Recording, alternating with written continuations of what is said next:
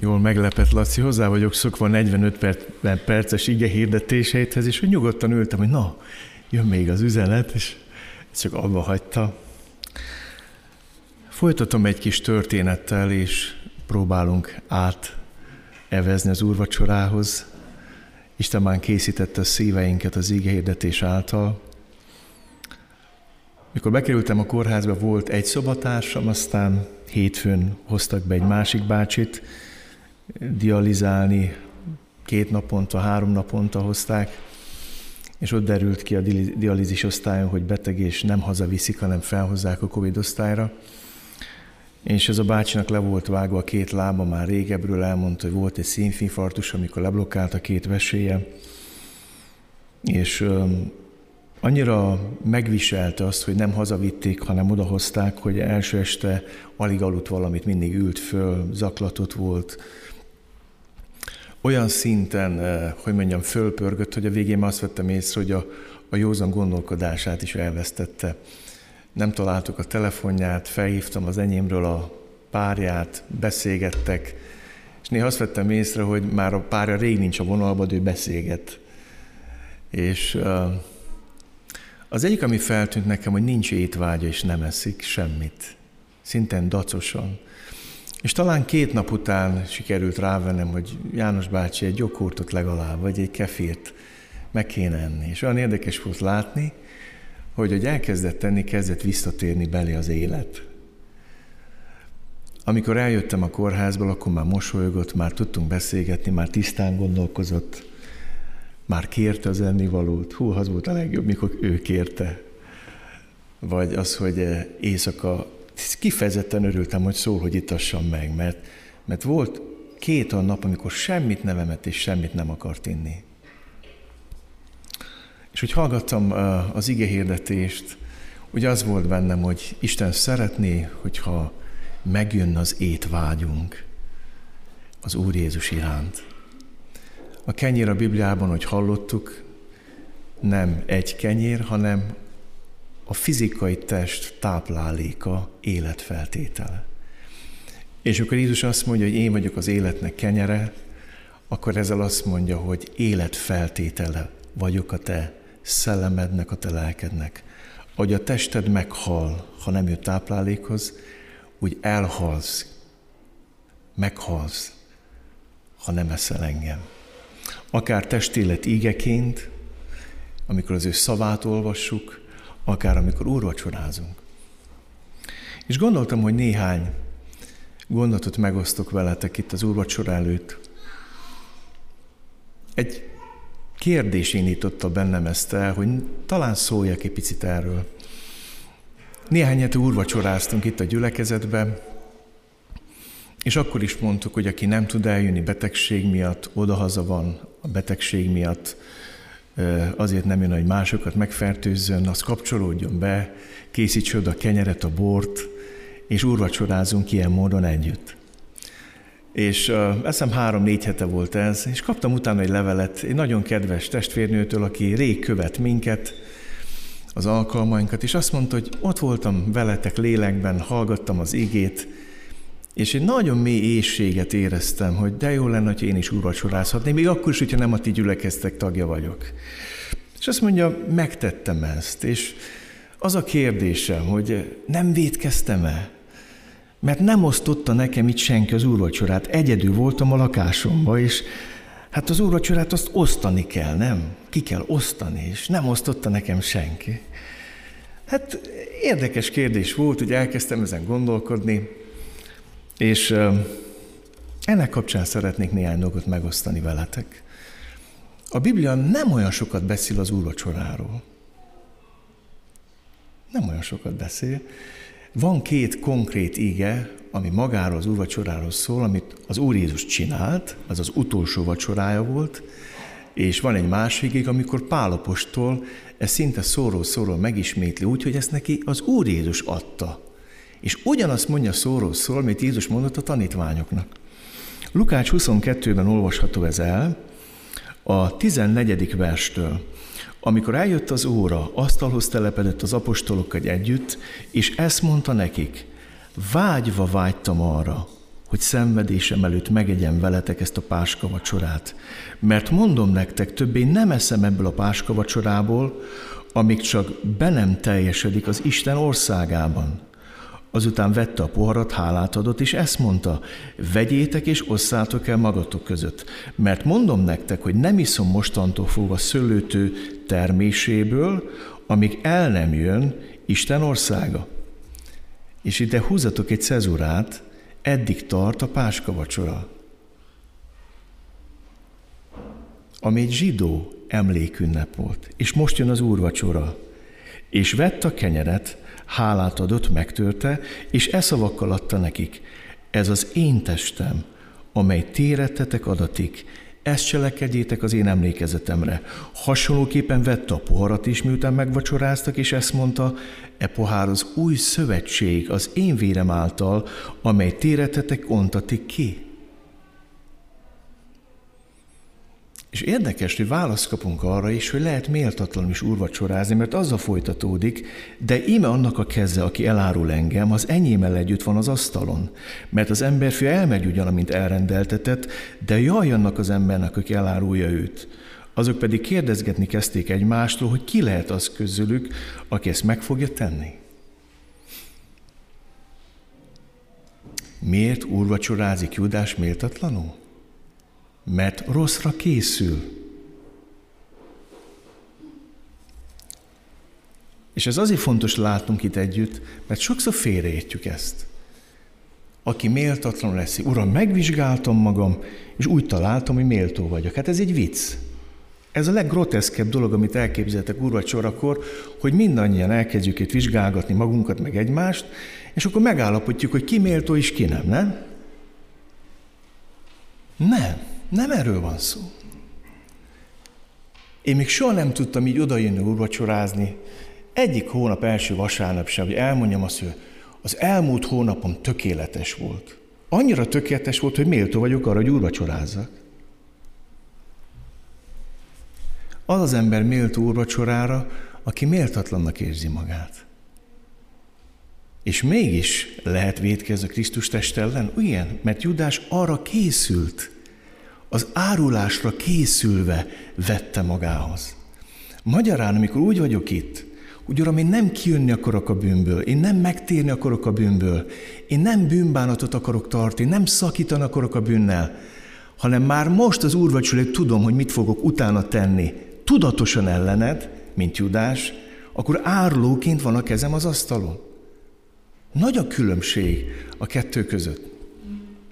Gyertek, nézzük meg egy kicsit a másik ígét Pálapostól a korintusi levélben. Ez egy nagyon döbbenetes íge. 1 Korintus 11. 17-től, amikor a következőre rátérek, nem dicsérhetlek titeket, mivel nem javatokra, hanem károtokra jöttök össze. Mert először is azt hallom, amikor összejöttök a gyülekezetben, szakadások vannak közöttetek, és ezt részben el is hiszem, mert szükséges, hogy legyenek közöttetek szakadás is, hogy a kipróbáltak nyilvánvalóká legyenek közöttetek. Amikor tehát összegyülekeztek, nem az úr vacsoráját veszitek, mert az evésnél mindenki a saját vacsoráját veszi elő, és az egyik éhezik, a másik pedig megrészegedik. Hát nincsen házatok, hogy ott legyetek és igyatok? Vagy megvetitek az Isten gyülekezetét, és megszégyenítitek a nincs teleneteket? Mit mondjak erre? Dicsérelek titeket? Nem dicsérlek. És figyeld meg, mert én az Úrtól vettem, amit át is adtam nektek, hogy az Úr Jézus azon az éjszakán elárultatott, vette a kenyeret, hálát adom, megtört, és ezt mondta, vegyétek, egyétek, az én testem, majd tiletetek megtöretik, ezt cselekedjétek az én emlékezetemre. Hasonlóképpen vette a poharat, és miután vacsoráltak, és ezt mondta, e pohárom az új szövetség az én vérem által, ezt cselekedjétek, vagy miszer iszálltok az én emlékezetemre. Szó szerint idézés. Azt mondja, én nem Péter apostoltól tanultam ezt, ez hozzám nem szálhőnyomány útján jutott el, hanem maga Jézus mondta el ezt. És érdekes, hogy Jézus ugyanazt is ugyanúgy mondta el neki, és jelentette ki, mint a, amit elmondott az utolsó vacsorán. Ez azért fontosnak tartom elmondani, mert fogtok találkozni olyan emberek, akik mindig új kijelentéseket hoznak. És azt mondják, hogy a Biblia túlhaladott, és ők ilyen progresszív keresztjének jobban értik a Bibliát. Isten nem hazudtolja meg önmagát. Nem fog más mondani Pálnak, mint a mondott Péter apostolnak ott az utolsó vacsorán. És azzal folytatja Pál, mert valamilyen szereszitek a kenyeret és iszátok a porrat, az Úr halálát hirdesétek, amíg eljön. És nézd meg a folytatást. Azért, aki méltatlan ezt az Úr kenyerét, vagy issza az Úr pohárát, védkezik az Úr teste és vér ellen. Vizsgálj meg azért az ember önmagát, és úgy egyék abból a kenyérből, és úgy egyék abból a pohárból. Mert aki úgy eszik és iszik, hogy nem becsüli meg az Úr testét, ítéletet eszik és iszik önmagának. Ezért erőtelenek és betegek közöttetek sokan, és ezért halnak meg annyian. Mert ha mi magunk ítélnénk meg önmagunkat, nem esnénk ítélet alá. De amikor az út ítél minket, akkor nevel, hogy a világgal együtt elnevesszünk. Azért tehát testvérém, ha evésre ezbe gyűltek, várjátok meg egymást, és valaki éhes otthon egyék, hogy ne ítéletre gyűjjetek össze. Mivel nagyon sokan visszaszokták nézni, vagy követik az alkalmainkat, amit most el fogok mondani, szeretnék hozzáfűzni valamit. Minden közösségnek, gyülekezetnek van felelős presbitériuma és van lelkipásztora, aki el fog számolni Isten előtt azért, hogy mi történik az általuk vezetett gyülekezetben. Amit most elmondok, az kifejezetten a kecskeméteknek szól. Mert ennek a gyülekezetnek a presbiterei és én ezért a gyülekezet vagyunk elsősorban felelősek. És ezt mind úgy mondom, hogy tisztetben tartom azoknak a gyülekezetnek a szokásait, a látását, ahol másként gyakorolják. De mégis szeretnék néhány gondotot megosztani ma veletek. Ennek a testvérnőnek a kérdése kapcsán, aki írt azt, hogy hát vajon nem védkeztem az, hogy nekem senki sem osztotta az úrvacsorát. Azt mondja az Úr Jézus, hogy nagyon vágytam, hogy a szenvedésem előtt megegyen veletek ezt a páska vacsorát. Jézus három és fél évet töltött a tanítványokkal, ha számolok időben, ez azt jelenti, hogy évente egyszer volt páska ünnep, három páska vacsorát fogyasztott el a tanítványokkal. És a harmadikra mondta azt, hogy erre nagyon-nagyon vágytam, hogy megegyen veletek. Ez miért? Mert ez a halála előtti utolsó étkezése volt Jézusnak. Ez volt az az étkezés, fizikai étkezés, amiből erőt merített ahhoz, hogy végigjár a keresztútját.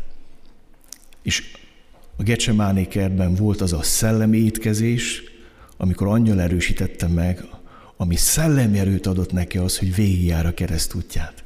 És azt mondja, nagyon vártam már, hogy a szenvedésem előtt, a halálom előtt utolsó étkezést és páskát megegyen veletek. Miért?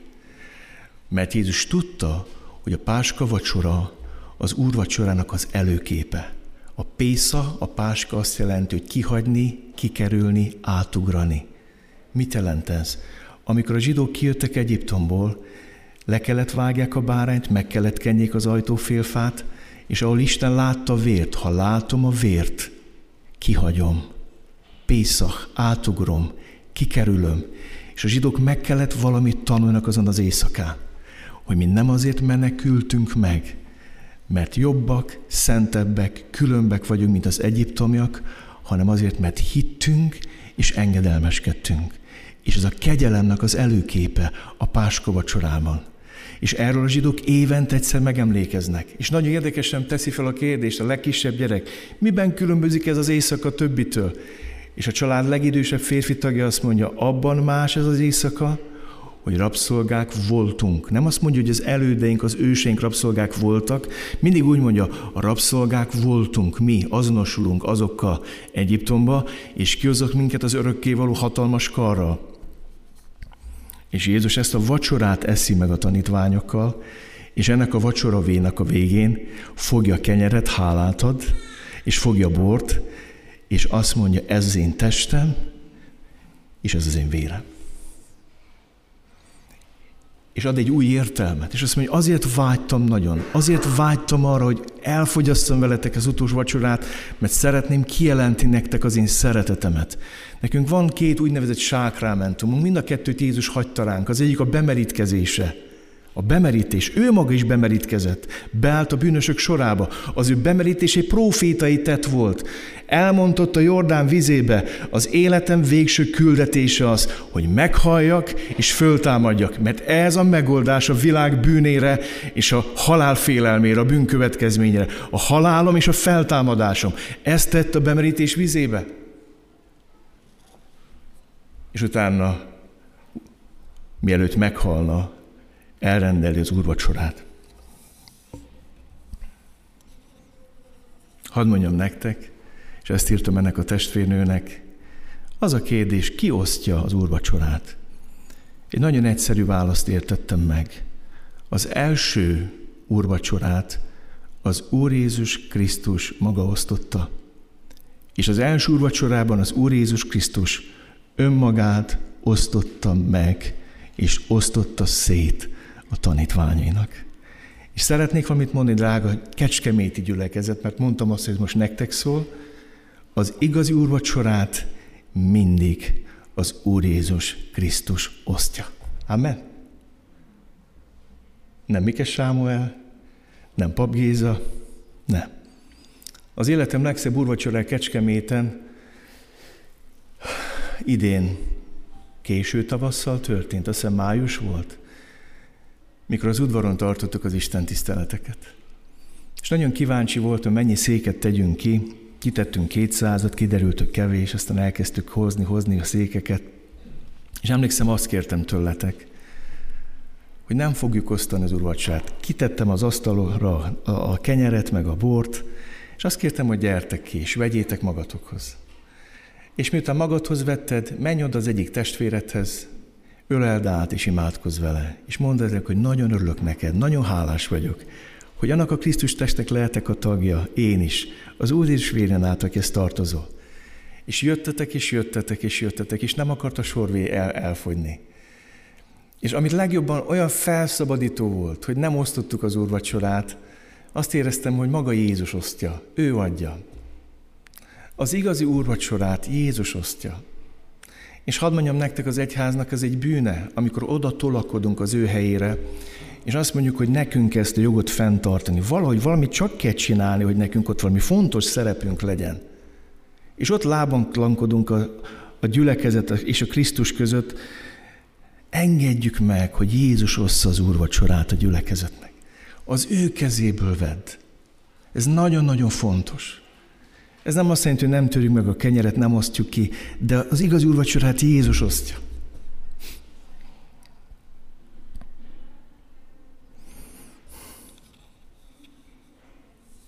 A másik kérdés, az úrvacsorát vesszük, vagy osztjuk, vagy adjuk.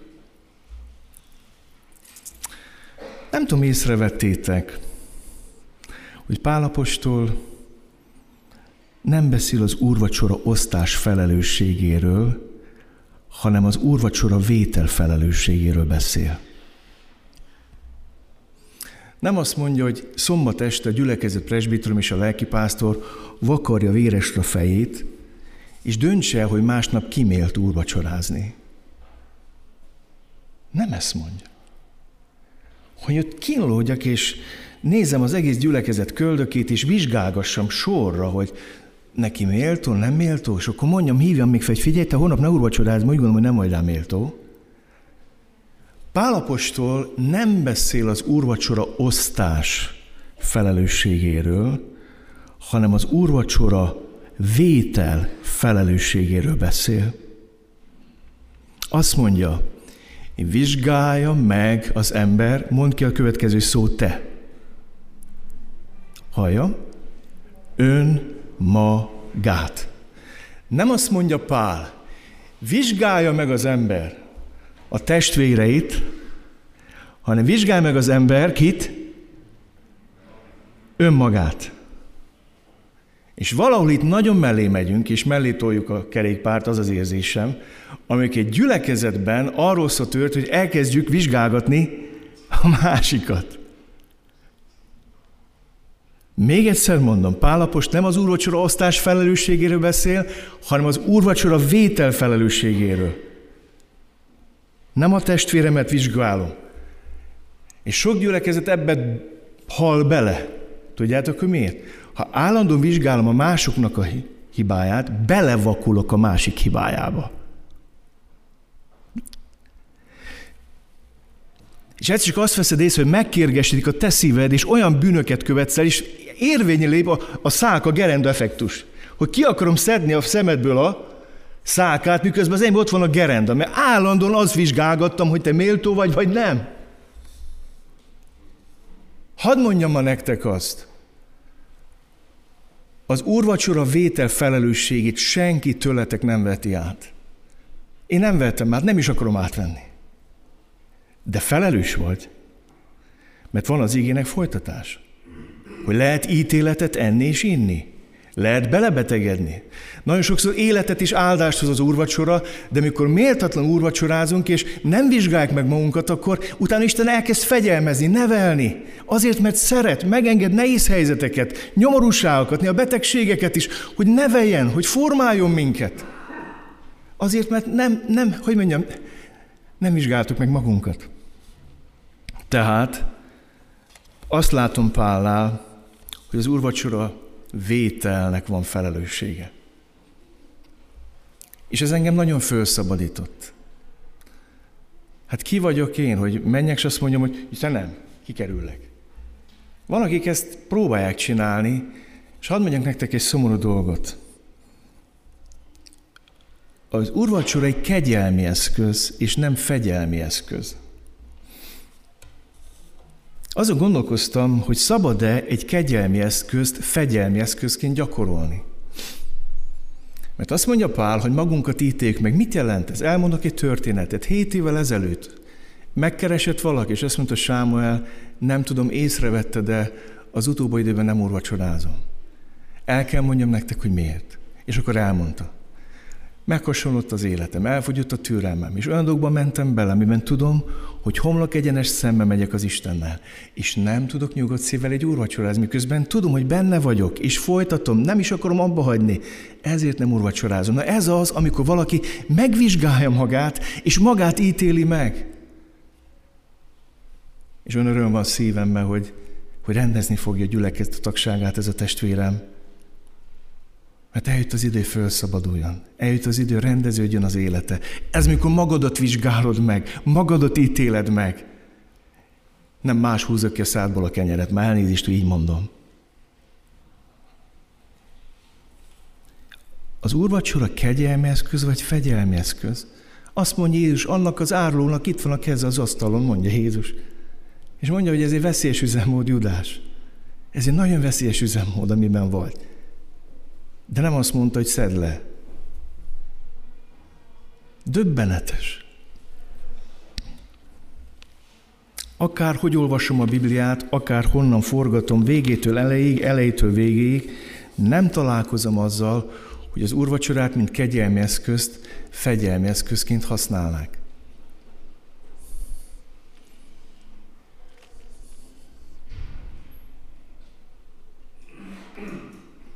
És azt tapasztalom, hogy amikor fegyelmeszközt csinálunk az úrvacsorából, az inkább megkeményedést hoz. Megkeményít.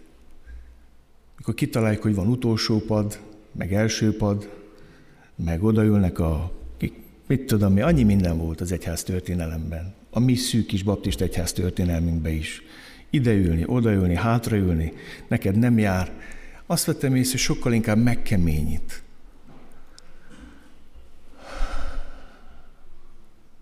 Úgy éreztem, hogy ezeket el kell mondanom. A kecskeméti gyülekezetnek hangsúlyozom, tiszteletben tartva minden más gyülekezetnek a szokását, mindenki maga kell feleljen. És természetes, vannak gyülekezetek, akik ezt úgy gyakorolják, hogy zárt körben, csak a gyülekezet tagjaival, hogy aki belép, az ne érezze magát kiközösítve. Mi nyíltan gyakoroljuk. És felteszed a kérdést. Mi vagy, ha bejön az utcáról valaki, van ilyen, hogy bejön? Hát persze. Azt se tudja, hogy eszik vagy iszák az úrvacsorát. Nem tudom, érted, hogy most ez mi? Bejön, azt se tudja, nem hallott még az evangéliumról. Becsöppen ide, és akkor nézi ezt az egészet, és azt mondja, mi, mi történik itt? És akkor mondom azt, hogy aki szeretne úrvacsozni, álljon fel, és látja, hogy a gyülekezetnek a 80%-a feláll, mit fog csinálni? Hát reflexből mit csinál? Hát feláll. Hát, mi? hát nem maradhatok, hogy mindenki feláll. És akkor mi lesz vele? Én úgy hiszem, az úrvacsor ellen nem azok tudnak védkezni, akik nem tudják, hogy ez miről szól. Nem. Nekik se nem árt, se nem használ. Az úrvacsor ellen az tud védkezni csak, aki tudja, hogy miről szól.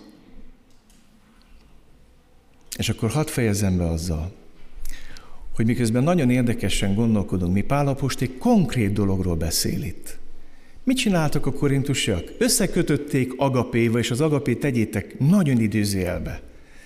Mert ha batyus szeretett vendég van, mit jelent az a batyus szeretett vendégség? Mindenki hoz valamit, oda tesz az asztalra, és együtt teszünk. Ez a batyus szeretett vendégség. Szoktunk ilyet csinálni. Ez egy nagyon jó dolog. Tudod miért? Mert onnantól kezdve, hogy oda tetted az asztalra, amit hoztál, az már nem a az már nem a tiéd, sem azt mondod, hogy ez kóstolt meg, mert ezt én sütöttem, és májusorvadást kapok, hogyha nem dicsérsz meg. Nem. Onnantól kezdve az kié. A miénk. Amen. És mit csináltak a korintusiak? A gazdagok a gazdagok ettek.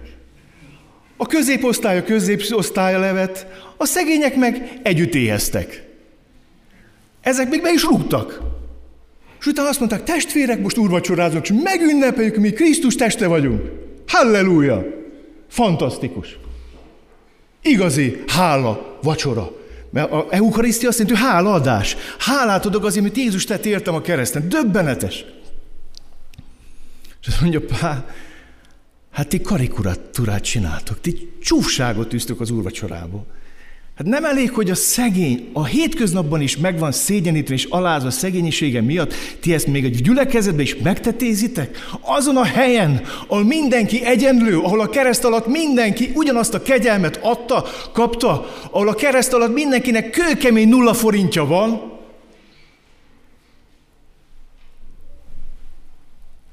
Azt mondja Pál, ez így nem jó.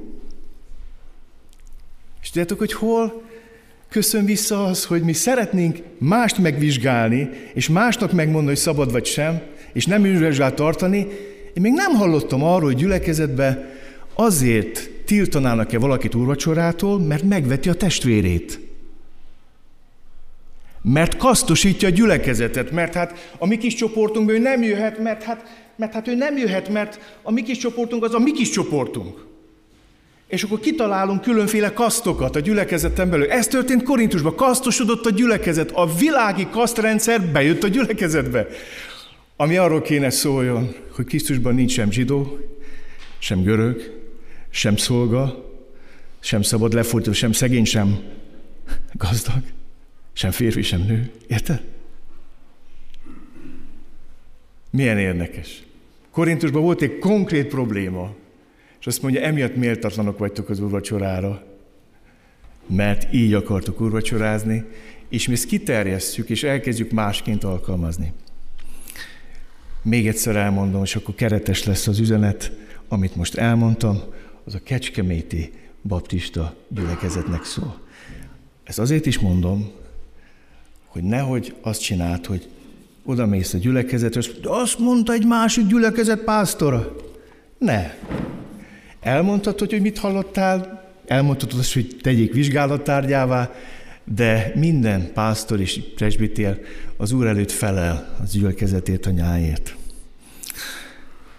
Hú, hosszú volt, bocsánat. Nem ilyen hosszúra terveztem. De azt szeretném, hogyha most imádnánk Jézust azért, mert ő az élet kenyere.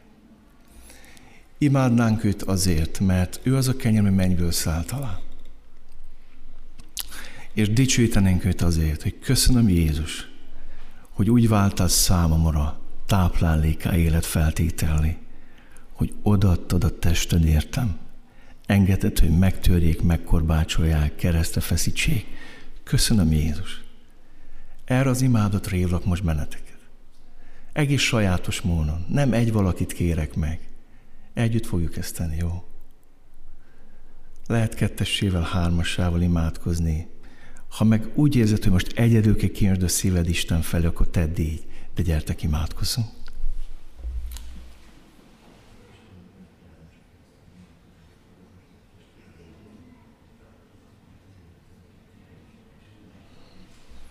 Az igazi úrvacsor az éltet, életet jelent.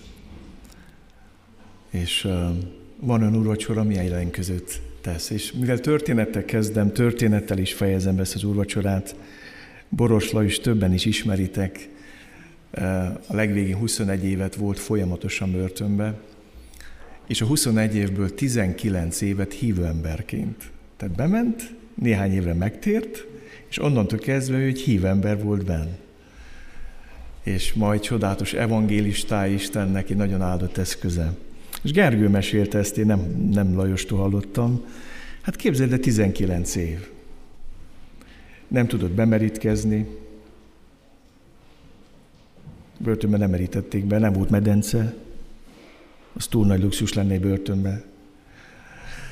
És elmondta azt, hogy annyira szomjazott, annyira érzett az Úr Jézusra, mikor megismerte kegyelmet, hogy naponta bezárkózott a kis zárkájába, és úrba csorázott. Szerintetek ki osztotta Boros Lajosnak az úrvacsorát a börtönbe? Csak úgy kérdezem. Ki osztotta? Kivel került ő közösségbe? Ki érintette őt ott meg? Ezzel nem arra akarok bátorítani benneteket, hogy magányosan úrvacsorázatok, mert egy közösségi élmény is az úrvacsora. És arra bíztatlak, hogy az otthonodban teszed ezt, akkor vond be a családtagodat, és együtt tegyétek ezt. De annyira megérintett ez a történet, és mélyen, mélyen megérintett, és olyan érdekes látni Istent, ahogy, ahogy dolgozik a világban, és formál minket, embereket. Nagyon bízom, hogy a mai úrvacsora életet hordozott számunkra is. Találkoztunk az élet kenyerével.